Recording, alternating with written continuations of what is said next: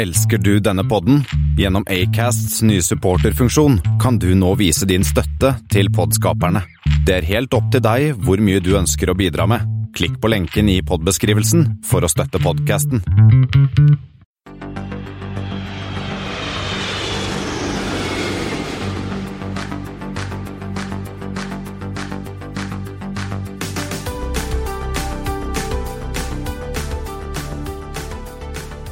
Hei og velkommen om bord på Flight 43, som vi i dag har kalt Indigo. Indigo, ta meg med. Det har blitt eh, 4. desember, og i dag har vi mm, kommet midt i adventstria her i Flypodden, og vi pga. det sitter hver for oss for å få logistikken til å gå opp. Men eh, ikke fortvil, for vi skal fortsatt nerde med deg i en eh, tre kvarters tid. I dag skal vi snakke litt om årsresultatet til SAS. Vi skal en tur innom Espens konkurshjørne. Vi skal se på Norwegians appetitt for det søramerikanske markedet. Snakke litt om Wower, snakke litt om BA som sier farvel til en gammel traver. Og dagens hovedtema, det er Indigo Partners. Med oss i dag har vi Kristian Kamhaug. Og Espen Næss. Og undertegnede Thomas Lone. Vi må jo nesten få gratulere deg, Espen. Det er jo Du var jo ikke med sist. Og siden sist du var her, så har familien din økt med hele 33% Det er jo en solid økning på kort tid. Ja, vi satset nå på å ta et uh, siste jafs før vi nådde målsetningen, så nå er vi to pluss to. Uh, så sistemann uh, i tilskuddet kom for da snart 14 dager siden, så da har jeg vært litt opptatt med det, og ikke, ikke fløyet så mye, for å si det sånn. Ja, men Da har du i hvert fall uh, ført arten videre, Espen. Da har du gjort, gjort som både meg og Thomas, og lagd, uh, to unger du også. Så nå har vi liksom gjort vårt til både å føre arten videre og ikke overbefolke denne lille planeten. Ja, da, da, da føler jeg Nå har vi gjort, har jeg gjort mitt. Men det er klart, skal man holde fødselsraten oppe, så burde jo en av oss gått for tre, da. Ja, det er, ditt, det, er ditt, det er, din jobb, Thomas. Du er yngst du, Thomas, og det er deg. Eh, ja, det jeg tror jeg står over, jeg. Vi får la, det, får la noen andre ta seg av det. Men Kristian, um, vi starta jo med et nytt konsept sist gang når uh, Espen uh, hadde pappaperm. Eh, og du har sett litt videre på det? Ja, for vi, fikk jo da eh, et tips fra en eh, lytter, eller en, et forslag fra en lytter. Og i og med at vi har kalt vår episode for Flight 1, 2, 3 osv., så, videre, så um, han, tenkte han at det kunne vært gøy å uh, snakke om flighter som har dette flight-nummeret. Og Nå er vi på flight 43, og det finnes en hel masse flight 43. Det finnes en SK43 som er Sundsvall-Arlanda, som går med ATR 72. Det finnes en AA43 som går Venezia-Chicago. En DL43 Chicago-Minneapolis. Um, ja, Det fins masse, masse, forskjellig. Du har jo en, eh, en NZ43, det er vel returflighten av den NZ42 som du eh, skrøt så fælt av forrige gang, Thomas? Det stemmer. Det er fra Pappa ET og tilbake til Auckland. Det er jo en eh, fin flight. Ja, og så har du eh, Virgins VS43 som går eh, Gatwick til eh, Las Vegas. Og den, en av deres flighter hadde jo En av denne 43 hadde jo en liten det uhell for en stund siden hvor de måtte lande etter at de hadde gear failure med en 747-400. Og den videoklippet av det ligger eh, selvfølgelig på flypodden.no. Så kanskje vi kalle dagens eh, er, er dagens 43 Gatwick eh, Vegas, Thomas? Det er det. Vi må videre i sendingen, Thomas. Vi har jo litt, Du, du tisa jo med noen, noen flynyheter. Litt av hvert forskjellig. Det gjorde jeg. og det er klart at uh, SAS har jo i dag sluppet 2018-resultatet. Og for den observante lytter så er vi jo ikke ferdig med 2018 ennå, Christian. Men uh, kanskje du tar oss litt Hvorfor SAS har jo et litt sånn avvikende regnskapsår, som det heter på økonomterminologien, har det ikke det? Jo, og det er mange selskaper som av ulike grunner har et sånt avvikende regnskapsår. Det selskapet som jeg jobber i, eh, Elkjøp, de har nå mai til mai av en eller annen grunn. Eh, jeg tror det har noe med vår engelske eier å gjøre. Men SAS så har jeg sånn, et eh, regnskapsår som går november til november. Det, har, det kommer vi tilbake til denne nesten-konkursen i 2012, hvor man måtte nullstilte en del og måtte ta noen avskrivninger og sånn. Så året slutter i år. Ja, så uh, For året da, så avnet uh, SAS på en omsetning på 44 milliarder svenske kroner. Det er uh, opp omtrent 2 milliarder, så det er ikke sånne store endringer. Men et veldig, veldig hyggelig positivt resultat før skatt og, og sånne non-recurring items på 2,1 milliarder svenske kroner. En EBT på 2,241. Um, og en inntjening per aksje på 3,70 svenske kroner. Det er ganske bra. Uh, relativt ok, en, en, return på kapital på 14% som jo er hyggelig, uh, Espen. Ja, og det, det, var jo egentlig, hva skal jeg si, uh, grønne lys overalt. De leverte det de hadde sagt de skulle levere, det de håpet å levere. litt mer, faktisk? Ja, ja og litt mer. Kvartal, ja, og dette er jo i da si, eh, ikke Marginen er nok ikke like bra som den var da, men dette er i eh, absolutte tall det høyeste overskuddet de har klart å levere siden 1997. Eh, den gangen så, så jo markedet litt annerledes ut, for å si det pent. Ja, og for, for, for fjerde kvartal så var det også da en, en positiv på en en 800 millioner kroner, som var jo bedre enn det markedet hadde trodd. De trodde jo på en sånn 750 sånn millioner. Og eh, Dagens Næringsliv hadde jo en fin eh, grafisk fremstilling av, av, resultatene siden 1995. Og det, det ser på meg sånn kjapt at de årene hvor SAS var i rødt, masse rødt, det var de åra jeg jobbet der. Ja, det var det jeg òg tenkte litt på, Christian. For når, du, når du la inn denne grafen, så tenkte jeg korrelerer dette her med noe med Kamhaug sitt ansettelsesforhold i SAS? Eh, du, du, drev jo med revenue management bl.a. der òg. Eh, kanskje dere bomma litt? Ja, det var jo Jeg skal ikke påstå at det var min, min feil alt sammen. Men eh, jeg ser som at 2006-2007, hvor jeg var ute utenfor SAS og jobbet i Widerøe og et, et reiseprogramsperiode, så var jo SAS-tallene bra. Og så er jeg tilbake i 2008, så gikk det jo ræva igjen, da. Så Men alvorlig talt, det er jo nå faktisk av de siste seks årene så har jo SAS tjent penger i fem av de. Eller faktisk av de siste åtte årene så har SAS tjent penger i syv av de.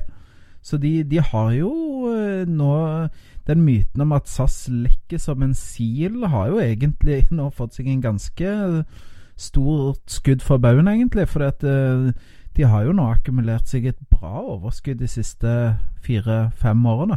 Ja, men de har jo også behøvd si, disse overskuddene, eller disse, eh, denne inntjeningen. For de hadde jo si, både en skute å snu, som ikke er gratis, men også for å si, bygge en buffer eh, videre. For det kommer jo en nedtur nå, og det ser man jo litt på eller På et eller annet tidspunkt kommer det en nedtur, og man så det på aksjekursen i dag. For de ga jo ikke akkurat sånn kjempepositive signaler for 2019. Nei, og så så jeg det at eh, vår gode venn Elnes var ute og kommenterte det på NRK Alltid nyheter i dag.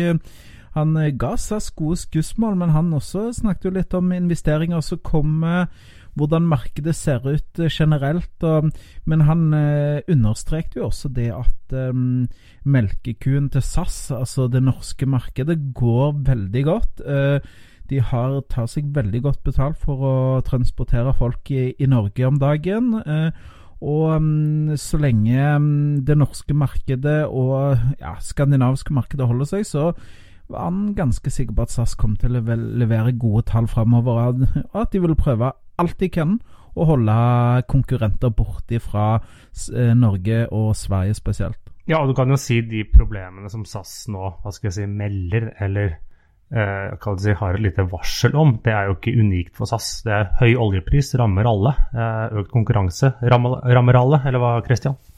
Jo, men altså, den høye oljeprisen, den uh, er vel litt forbi. Oljeprisen har jo vært veldig mye opp og ned. Den var jo helt nede på, langt ned på 60-tallet for en ukes tid siden.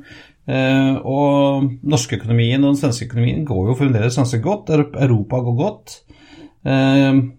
konkurransebildet er jo fremdeles eh, tung. Eh, det er fremdeles ganske, ganske pressa, men det forsvinner jo en del aktører ut. Vi, vi så Primera Air forsvant. Uh, Wow Air har måttet redusere litt, så kommer vi tilbake til det. Um, så jeg tror kanskje at, at uh, de svartmaler litt mye. Jeg tror nok at det er litt mer positivt enn uh, enn SAS-ledelsen nå gir uttrykk for, altså. Da får vi eh, gjøre som eh, vanlig, Christian. Time will show. Og, men noen som eh, ikke har fått det til i det siste, det er jo Small Planet Airlines, Espen. Og du starter konkurshjernet ditt etter pappapermisjonen friskt. Eh, ja da, eh, vi har jo tidligere så vidt snakket om disse Small Planet eh, Airlines. da at de, deres, de hadde et tysk datterselskap og de hadde et polsk datterselskap som gikk over ende tidligere i høst. og da forsøkte hva skal jeg si, redde dette morselskapet sitt i, fra Litauen. men det holdt ikke, så etter da ti års drift, fra 2008 til 2018, så måtte de da legge igjen årene. De disse ble jo startet som dette Fly LAL, ikke LOL, men LAL, eh, tilbake da i 2008, før det etter hvert skiftet eh, navn til Small Planet Airlines. Og de har jo da drevet med da eh, både en wetlease-operasjon, men også da eh, klassisk charter, stort sett fra andre land enn Norge. og rute ditt, også som Fly LAL, back in the day, så var jo de Litauens flag carrier en liten periode. Ja, det stammer, dette stammer jo litt sånn ut ifra det eh, på en eller annen måte. Men nå var det i hvert fall slutt. Eh, det sto på hjemmesiden deres at eh, liksom, takk for alt. Eh, takk for årene, nå er det, nå er det over. Eh, så det var da si, dagens konkurs. Eh, og så var det jo et annet selskap som de aller fleste hadde regnet med at nå kom til å gå konkurs. Vi trodde jo at de skulle bli en del av konkurshjørnet denne uka her, Espen. Ja, spesielt da når Iceslander kom med nyheten at de trekker oppkjøpet av Wow. For det svarte ikke til forventningene eller hva nå det måtte skje. Og alle da tenkte at ja, de her, disse var ikke til jul. Uh, og så måtte de jo levere tilbake fire, fire fly. Så en femtedel av flåten måtte jo leveres tilbake til uh, leasingselskapene ja, på ganske kort uh, frist. Ja, et av leasingselskapene hentet inn uh, to Airbus A320 og to Airbus A330.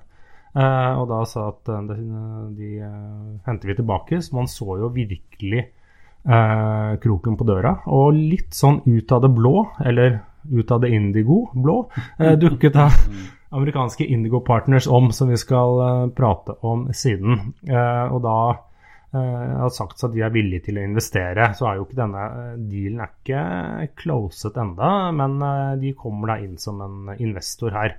De er jo amerikanere, så de kan jo maks kjøpe 49% av selskapet. Så det betyr også at han gründeren av Wower, Skuli Mortensson, eller hva han nå heter, vil jo da fortsatt faktisk være med eh, videre. Faktisk ha en, da, en eierandel eh, videre.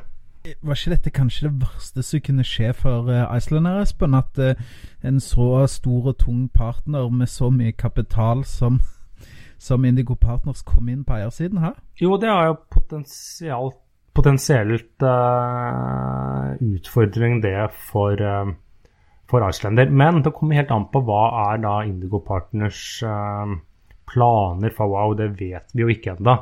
Men det er jo som sagt var, det er jo noe av det beste man kan ha, er jo en svak konkurrent. Som er akkurat svak nok til at den holder hodet over vannet og ikke går konkurs. Det vet jo både SAS og Norwegian masse om. Jo, men akkurat altså, litt interessant hva, hva Indigo kommer til å gjøre, hvor mye penger de klarer å putte inn, og hvor mye eh, annen eh, kapital de klarer, klarer å reise, og, og, om de fortsetter med dette Eh, stoppover på Island-systemet, eller om de ser at de kan bare bypasse Island fullstendig og kjøre Europa direkte. Det, vi får se hva, hva, de har i pipeline.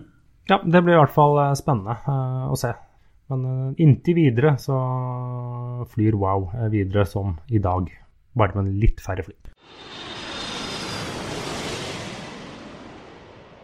Noen som ikke flyr videre i dag, i hvert fall ikke for British Airways, er Boeing 767. Uh, og nå har jo uh, British Airways faset ut siste 767. Og det er jo uh, Ja, det er en, en æra er over, som sagt. De begynner å slankes i stallen til BA nå. De begynner å nærme seg en ja, en enhetsflåte når det kommer til langdistanse. De har jo fløyet tidligere 707, 720 737 både 200, 300, 400, 500. De har flydd 747 200. De har flydd 757, og nå 767 går også inn i pensjonistenes rekker. De står da igjen med noen 747 400 og noen 777 og noe 787-er. Så um, Og Toyota, da. Men det er jo en annen fabrikk, da. Det er jo en uh, helt annen fabrikk, Christian. Og ja, hva, hva, tenker du når 767 pensjoneres? Er det vemodig? Altså, den har jo hatt, vært en veldig spesiell maskin for BA. fordi at man har jo Det har jo ikke bare vært en, en langdistansemaskin. Den har jo blant annet uh, i hvert fall flydd en god del på uh, Arlanda, har vel 767-en vært faktisk. Flydd uh, Heathrow Arlanda annet. har vel også kanskje vært en gang eller to på OSL? Ja, jeg mener også at vi lurer på om ikke den også var innom Fornebu-planger. Men eh, så at den, det er litt sånn 757, så har også 767 vært en sånn modell som kunne både fungere på longhold og på shorthold hvor det er store volumer. Og den der har jeg, jeg har sett en BA og jeg har sett BA 77 ofte på Arlanda sånn på kvelden når jeg har fløyet hjem fra Stockholm, så har den stått der eh, på vei tilbake. Og det er jo BA har hatt behov for å å ha litt større maskiner for å uh, virkelig liksom, kjøre volum på Heathrow. Ja, BA har jo hatt egentlig to sånne 767-flåter eller konfigurasjoner. De har jo hatt da de de har brukt litt innen Europa. Arland er et eksempel. Det er liksom Moskva, mye Larnaka, Aten og litt sånne ting. Uh, og litt sånn større ruter, både pga. cargo og pga. passasjerer. Og så har du hatt da en annen del av flåten med en helt annen innredning, som har gått på da korte, gjerne litt kortere uh, langruter. Det har vært sånn eh, Er det London, typisk til Baltimore, eh, et par sånne mindre steder er det. Etter hvert i Midtøsten, Afrika eh, Ja, litt den type litt tynne langrøtter. Ja, på det, det absolutt siste var jo BA 6662 Nei, 662. Som fløy Heathrow til Larnaca på søndag 25.11. Var, den, var den siste, visstnok. Og den har liksom forsvunnet ut av BA-flåten litt sånn uten noe særlig fanfare. Veldig mange andre flytyper har liksom fått en sånn farewell-tour, eh, nesten. 757 som gikk ut i 2010, så fikk du en egen, egen, eh, egen fargeskjema, blant annet. Men 767 er liksom bare litt forsvunnet ut. For, som jeg leste en, en blogger skrev her, at uh, 767 er liksom flyet som bare Tja, det er sånn Nja. Ingen, ingen egentlig elsker det noe særlig. Det, sånn, det, ser ikke så fett ut, det er ikke sånn supereffektivt. Det er sånn Ja, det er en flymaskin midt på. Og jeg, jeg skjønner hva han mener, for jeg um, skal jo til Austin i mars, og da brukte jeg tid på å finne den perfekte rutingen. Så jeg hadde egentlig booka meg med, med Lufthansa Oslo-Frankfurt Denver uh, med 747-400, og så Denver til uh, Austin. Men så uh, ble det en schedule change, så endte jeg opp på en på en London-Chicago eh, med United eh, 767-300 istedenfor. Det var sånn Det var kjedelig, det. Ja, jeg, jeg, jeg, har liksom gode minner. For det er liksom der, eh, sånn personlig, da. Jeg husker liksom første gang jeg dro til uh, USA, var med SAS en 767 fra Fornebu og litt sånne ting. Så for meg så er det litt sånn nostalgisk uh, fly. Uh, så jeg har litt sånn Jeg har faktisk en liten forkjærlighet for den 767-eren. Og som passasjer, da, i hvert fall på Economy, så er jo det et av de bedre langdistanseflyene med denne 232-konfigurasjonen. Masse vindusseter og, nei, og, og gangseter, og ikke disse fordømte midtsetene. Nei, de er det ingen som liker. Selv om uh, de begynner å pensjonere 767-en, så er det jo en maskin som produseres fortsatt. Boeing har vel uh, en ca. 120 maskiner i bestilling fortsatt. Og da fordeler det seg ca. en, nesten 70 maskiner. er 767-300 fraktere. Og så er det 56 sånn eh, lufttankere. De er KC 46.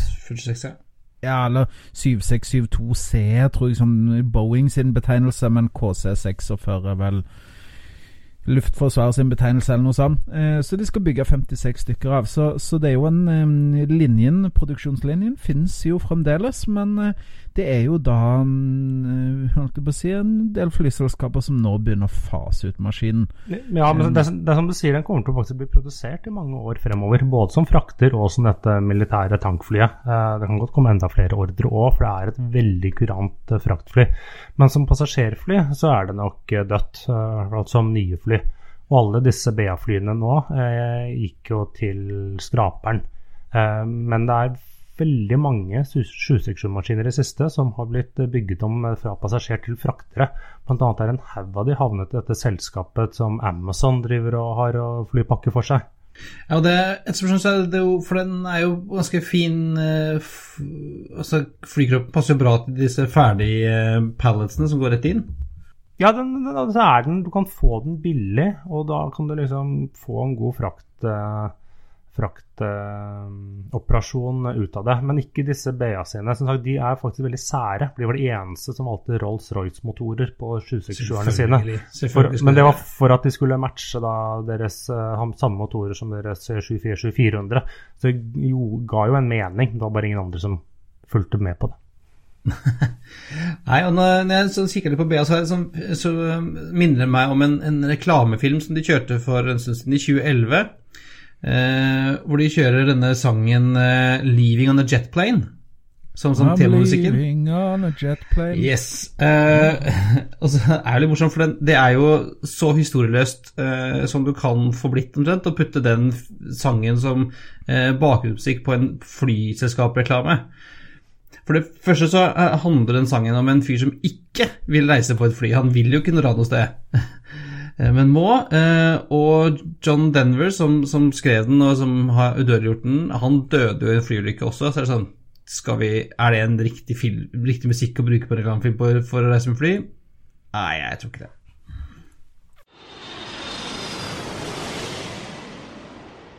Eh, noen andre som eh, satser stort, Espen, er Norwegian. Og de eh, de siste ryktene sier at de snuser på Chile. Det var liksom ikke nok med Argentina og å være i samtaler med Brasil. De ønsker å, å se på Chile også som mulig marked. Eh, er det innenriks, er det utenriks? Eh, hvilke tanker gjør de seg her? Nei, dette er eh, si, utenriks, og det er vel egentlig mer eller mindre bekreftet av Norwegian selv at de er i, i samtaler. Eh, ikke, de ser ikke for seg en sånn operasjon à la Argentina, men at de rett og slett er i samtaler om å få lov til å fly til Santiago. De ønsker, slik det kommer fram i media, å fly da fra Madrid til Santiago, som er jo et ganske stort marked, og da Miami til Santiago.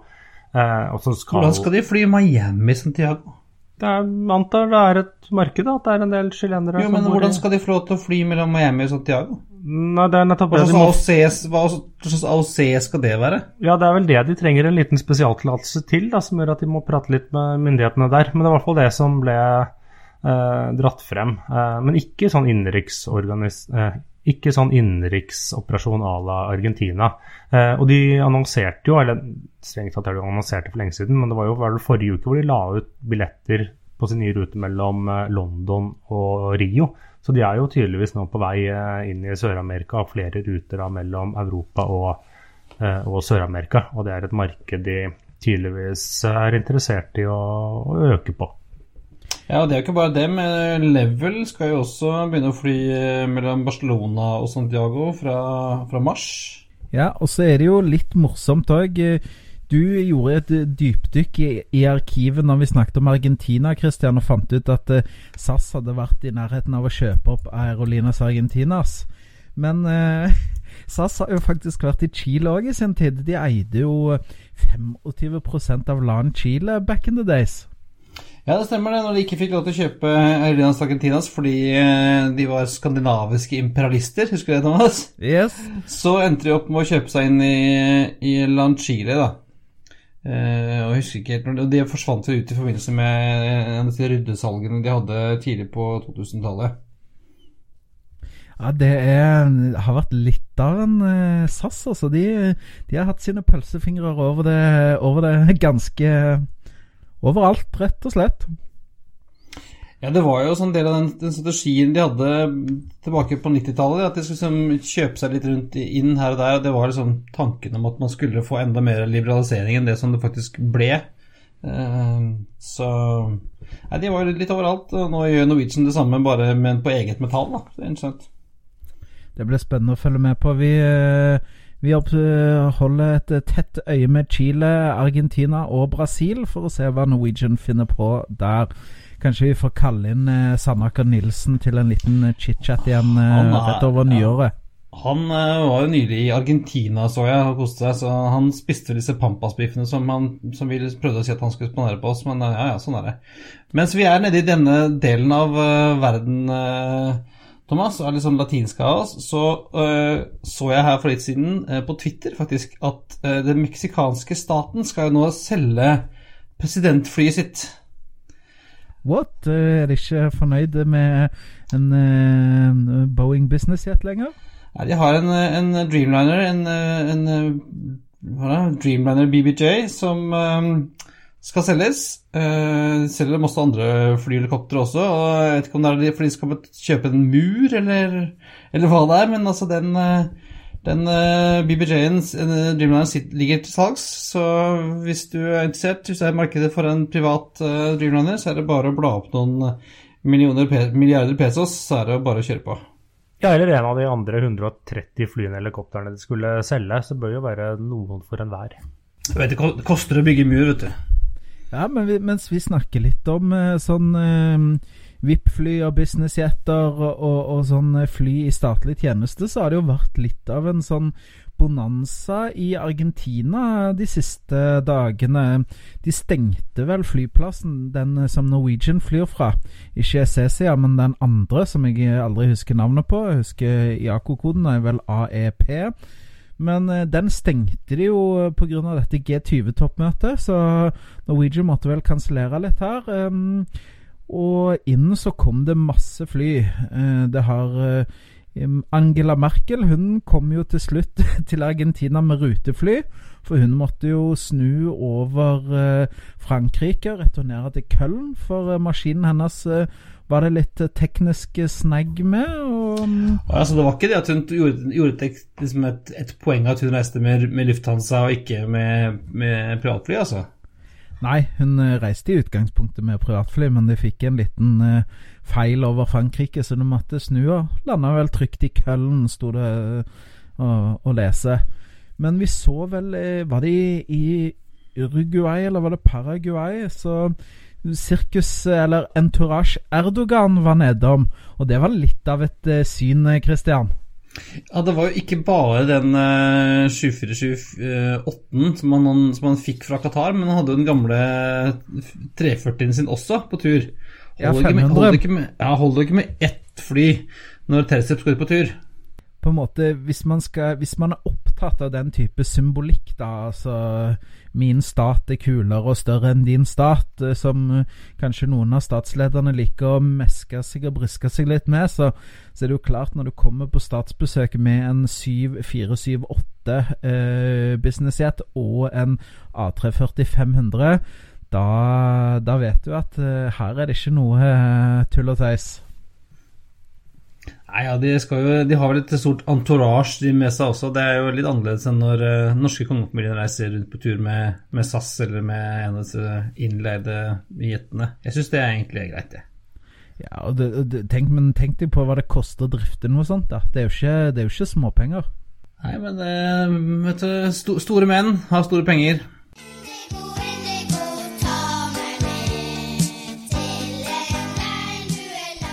Men eh, noen andre som har ufattelig mye fly, og er en god eh, kunde hos eh, de som selger fly eh, Airbus er vel eh, kanskje Airbusens største kunde. Det er de som er ukens tema, altså Indigo Partners.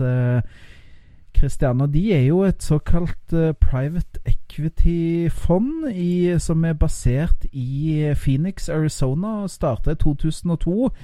Eh, for oss eh, sånn halvstuderte økonomer og eh, gjerne folk som ikke er så interessert i økonomi, Espen, kanskje du, før vi går videre og snakker om det flyfaglige og tekniske og hva de driver på med innen flyverden, bare fortelle litt hva et sånn private equity-fond er?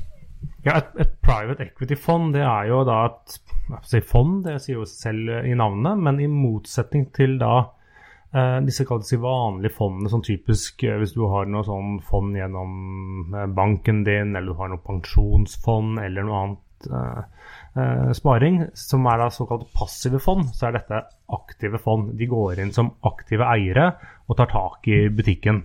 Eh, litt sånn kort fortalt da, så kan man si at det skilles mellom at de enten går inn i si, nye selskaper som startes opp, eller relativt unge eh, selskaper. Det vil bli en mot Da er det vel litt sånn Da er det mer sånn uh, venture capital-fond, da? Var, ja, men det er også en type eh, private equity. Eller at de da rett og slett kjøper opp mer modne eh, bedrifter. Eh, som da enten pga. at de er i sterk vekst, her har de et godt business case. Gjerne bedrifter som går kanskje dårlig, og så kanskje slår de dem sammen, de kjøper mer. Eh, eller at de omstiller dem, eh, selger seg ut. Eh, men de går da inn og rett og slett har et hånd på rattet. ikke bare inn som en passiv eier, så de setter gjerne da inn sine folk. Disse private equity, si fondene eller selskapene, uh, de består jo da liksom en miks av kall det si egne penger, uh, eiernes penger, samt at de har da investorer som har gått inn med penger. Så de kan gjerne ha flere sånne fond. og som ofte så spesialiserer seg innen bransje.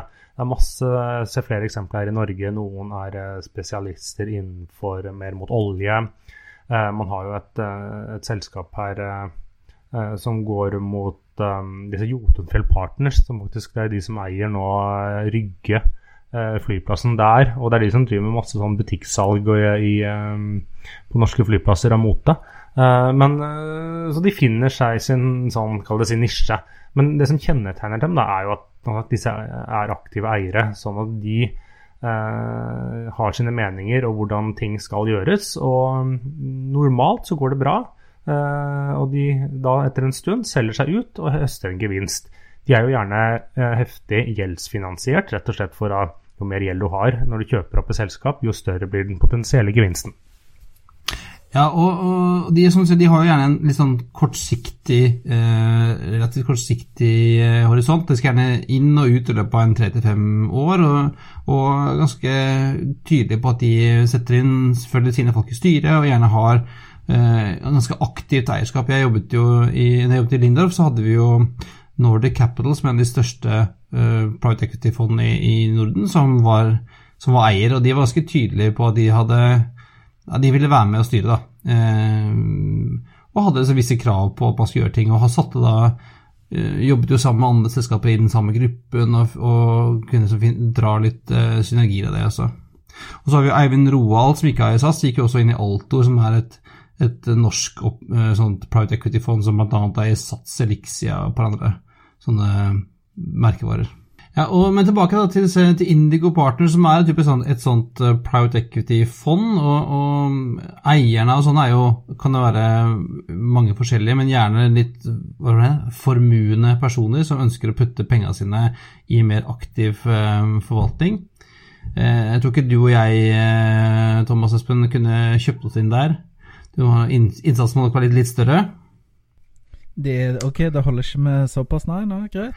Det er nei, du må nok uh, kline litt til. Uh, og, og en, en som var med å starte uh, Indigo tilbake i 2002, er jo han Bill Franke, som er 81 nå, og har en lang en lang, lang karriere i, innen luftfart i USA. Han var CEO i America West i 1993 2001. Eh, og han andre ikke husker nå, men også flere av de andre som har bakgrunn fra um, America West US Airways, uh, lang luftfartserfaring. Ja, så tror jeg vel han Frank fortsatt er styreformann i Frontier Airlines, tror jeg. Ja da, han sitter jo som styreformann i flere av selskapene og i styret i mange av de andre selskapene. Han sitter fremdeles i Eh, styret i Tiger, ja, Tiger Scoot, eller hva det heter for noe, dette, som ble etter Singapore Airlines uh, eh, LCC-en, som de var med på eiersiden i, i en periode.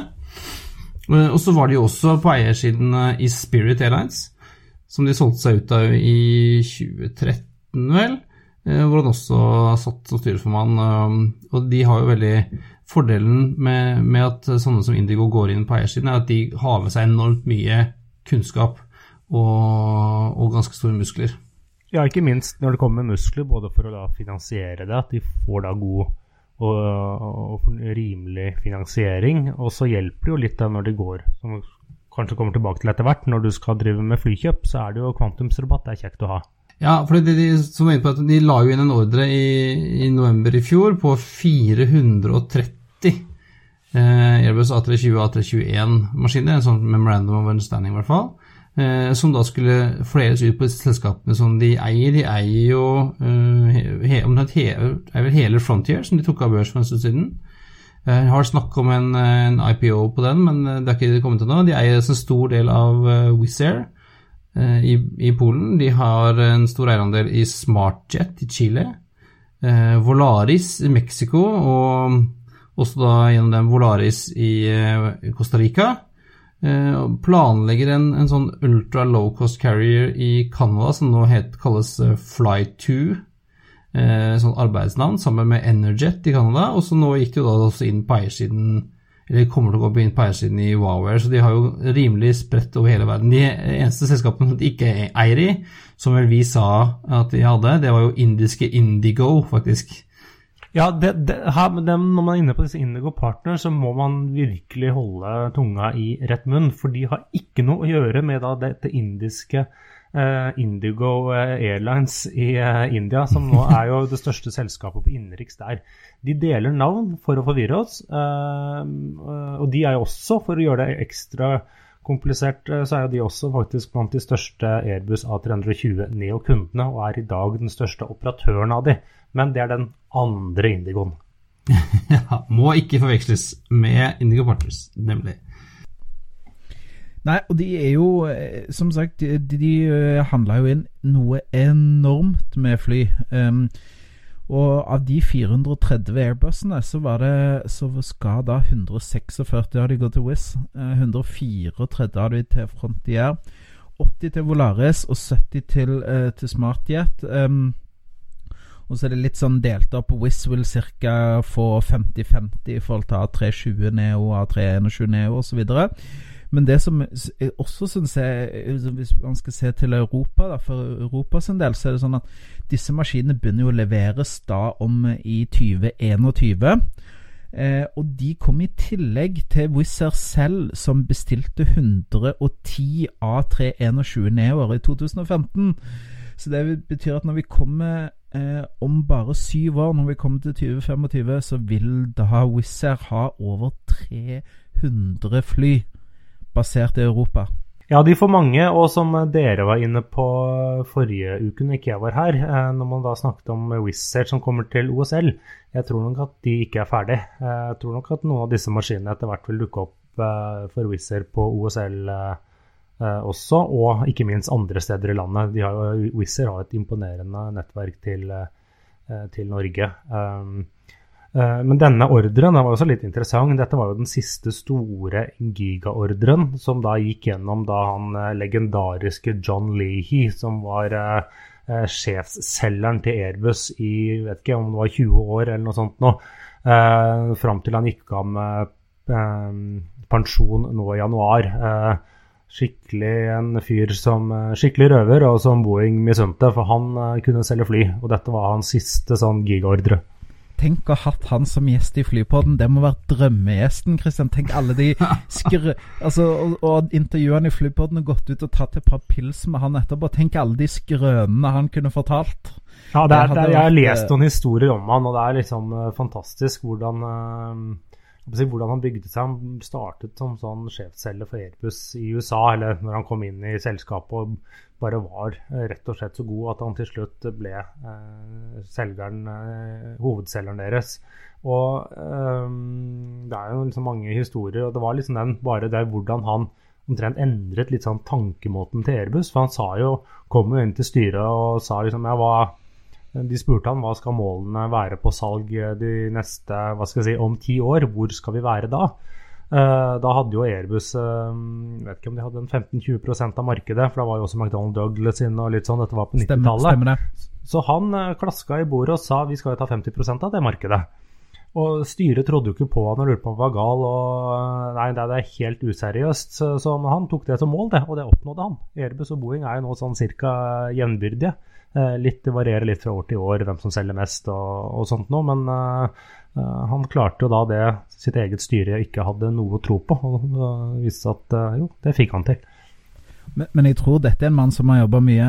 uh, fordi at han, eh, han måtte jo nå trappe ned pga. helse. Jeg tror hvis han kunne fått lov, så hadde han holdt på, på lenger. Men helsa sa faktisk stopp, og at det måtte prioritere den kontra å selge fly. Så. Ja, han hadde vel hatt noen bypass-operasjoner etter hvert og sånn. Og du kan jo si da Uh, han, har en kone, men jeg er ikke sikker på om hun akkurat gikk lei av han. Det er ikke sikkert hun trengte å se han så veldig ofte. Nei, Kanskje hun opplevde mannen sin mer som elskeren, at han var innom i ny og ne, ellers var han ute på veien. Det skal ikke vi uh, mene så mye om, men, uh, men det er i hvert fall litt av en type Det var en veldig digresjon. Ja, det var veldig digresjon. Men uh, skal Nei. vi hente oss litt inn igjen og, og, og tenke litt da på Indigo Partners? hvis vi skal tillate oss å spekulere bitte litt, hva skal de med Wower? Det, det, som private equity-selskaper gjør, som, som, Espen sa, det var at de går inn i et selskap som trenger eh, litt uh, time, love and eh, tenderness, uh, og, og, skrur det om slik at de kan, uh, kan drives mye bedre. Og så har jo det som måtte, er fellesnevneren for mange av selskapene i porteføljen til Indigo, at de er jo såkalte ultra low cost carriers, er jo enda mer low cost enn en Ryanair. Eh, kjempefokus på kostnadene. Mye masse, masse ekstra gebyrer for alt mulig rart. Front, uh, Spirit var jo som en av de var de første som innførte gebyr for håndbagasje og omtrent for å få lov til å puste. Og det går jo igjen i de andre selskapene også, slik at de skal ha en større inntjening. Jeg tror at når de går inn i Wow, så har de sett en mulighet til å gå inn sikkert ganske billig, eh, ta med seg alt de har av kompetanse og kunnskap og, og muskler, og, og, så snu den, eh, den, skuta rundt, og så selge den igjen. Eh, på den annen side så har jo han eh, Bill Frankie også sagt at eh, vi har jo disse selskapene rundt omkring i verden, i USA, i eh, Mexico, i Chile, i Europa, kanskje og i Canada og nå på Island. Det ville vært dumt av oss å ikke, ikke hekte dem sammen, sier han. Eh, kanskje vi nå ser en slags verdensomspennende luftfartsallianse mellom disse selskapene. For nå har du fått, med Wowair så har du faktisk bindeleddet mellom eh, Nord-Amerika, Sør-Amerika og Europa. Ja, det kan bli veldig spennende å se, men, men samtidig så har det jo vært en sånn Inntil nå, da, track record har jo ikke vært at de har vært så mye samarbeid i de selskapene de har gått inn i. Så det er jo klart, det er jo, det er jo nye takter som må til. Eh, nye måter å tenke på osv. Så, videre. så det blir jo spennende å se da, om, om, det faktisk blir sånn at man tenker på å gå dypere inn i samarbeidet. Ja, det, det var jo et, et, intervju med han Bill Frankie for en liten stund siden. Han var på en konferanse, og han kommer disse tankene. Og da tenker jeg at da glir jo Wower eh, supert inn som en slags mellomledd mellom Wizz eh, og de eh, nordamerikanske. Så det kan være det, eller det kan være at de bare ser en mulighet til å tjene eh, bra med penger og, og, komme seg ut igjen eh, for å investere i andre selskaper som, som, trenger. Da tror jeg vi eh, igjen avslutter med dine gode ord, Christian. Time will show. Time will show, som de sier i Flåklypa.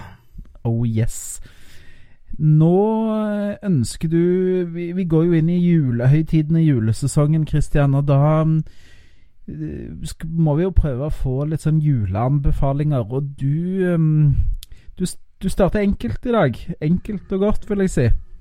Ja, altså, vi, eh, vi må jo ha en ukens anbefaling, og ukens anbefaling fra meg eh, er Irish Coffee. Vi kan vel si at denne ukens anbefaling er ikke sponsa av Blå Kors.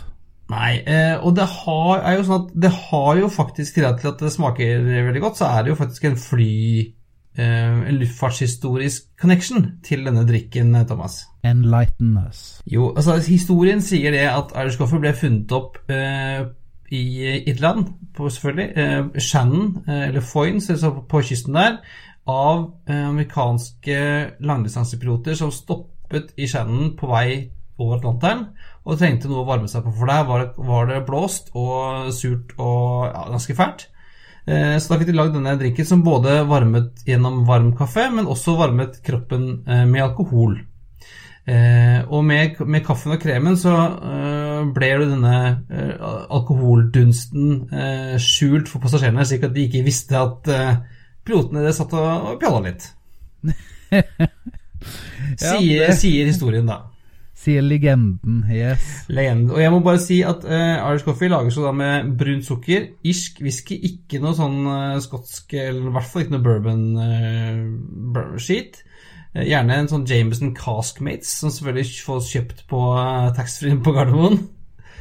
Eh, og kremfløte pisket sånn at den ikke er stiv, men sånn ganske tjukk. Ikke det derre Altså, boks Kremfløte på boks kan du bare Det må du aldri, aldri eh, si ja til. Hvis du får det ute, så bare send det tilbake igjen og si ha noe annet. Det her går ikke. Det får være ukens eh, oppfordring i anbefalingen. Aldri, aldri, aldri eh, krem på boks i Irish Coffee. Nei, det er greit, men da tror jeg vi setter strek for denne gang. Det er på tide å feste sikkerhetsbeltene, rette opp setet og sikre fri sikt ut av vinduet ettersom flight 43 nå går inn for landing. Som vanlig så finner du det vi har snakka om på flypodden.no. Du finner oss også på Facebook, Twitter og på Instagram. Har du et spørsmål, ønsker du å invitere oss på flytur, eller ønsker du å sponse oss, eller rise oss, rose oss, hva som helst, send oss en mail på halloalfakrøllflypodden.no. Det liker vi kjempegodt. Da sier jeg takk for nå, og på gjenhør neste uke. Ha det bra! Ha det. We thank you for flying with us today. We truly appreciate your business and look forward to serving you on a future flight.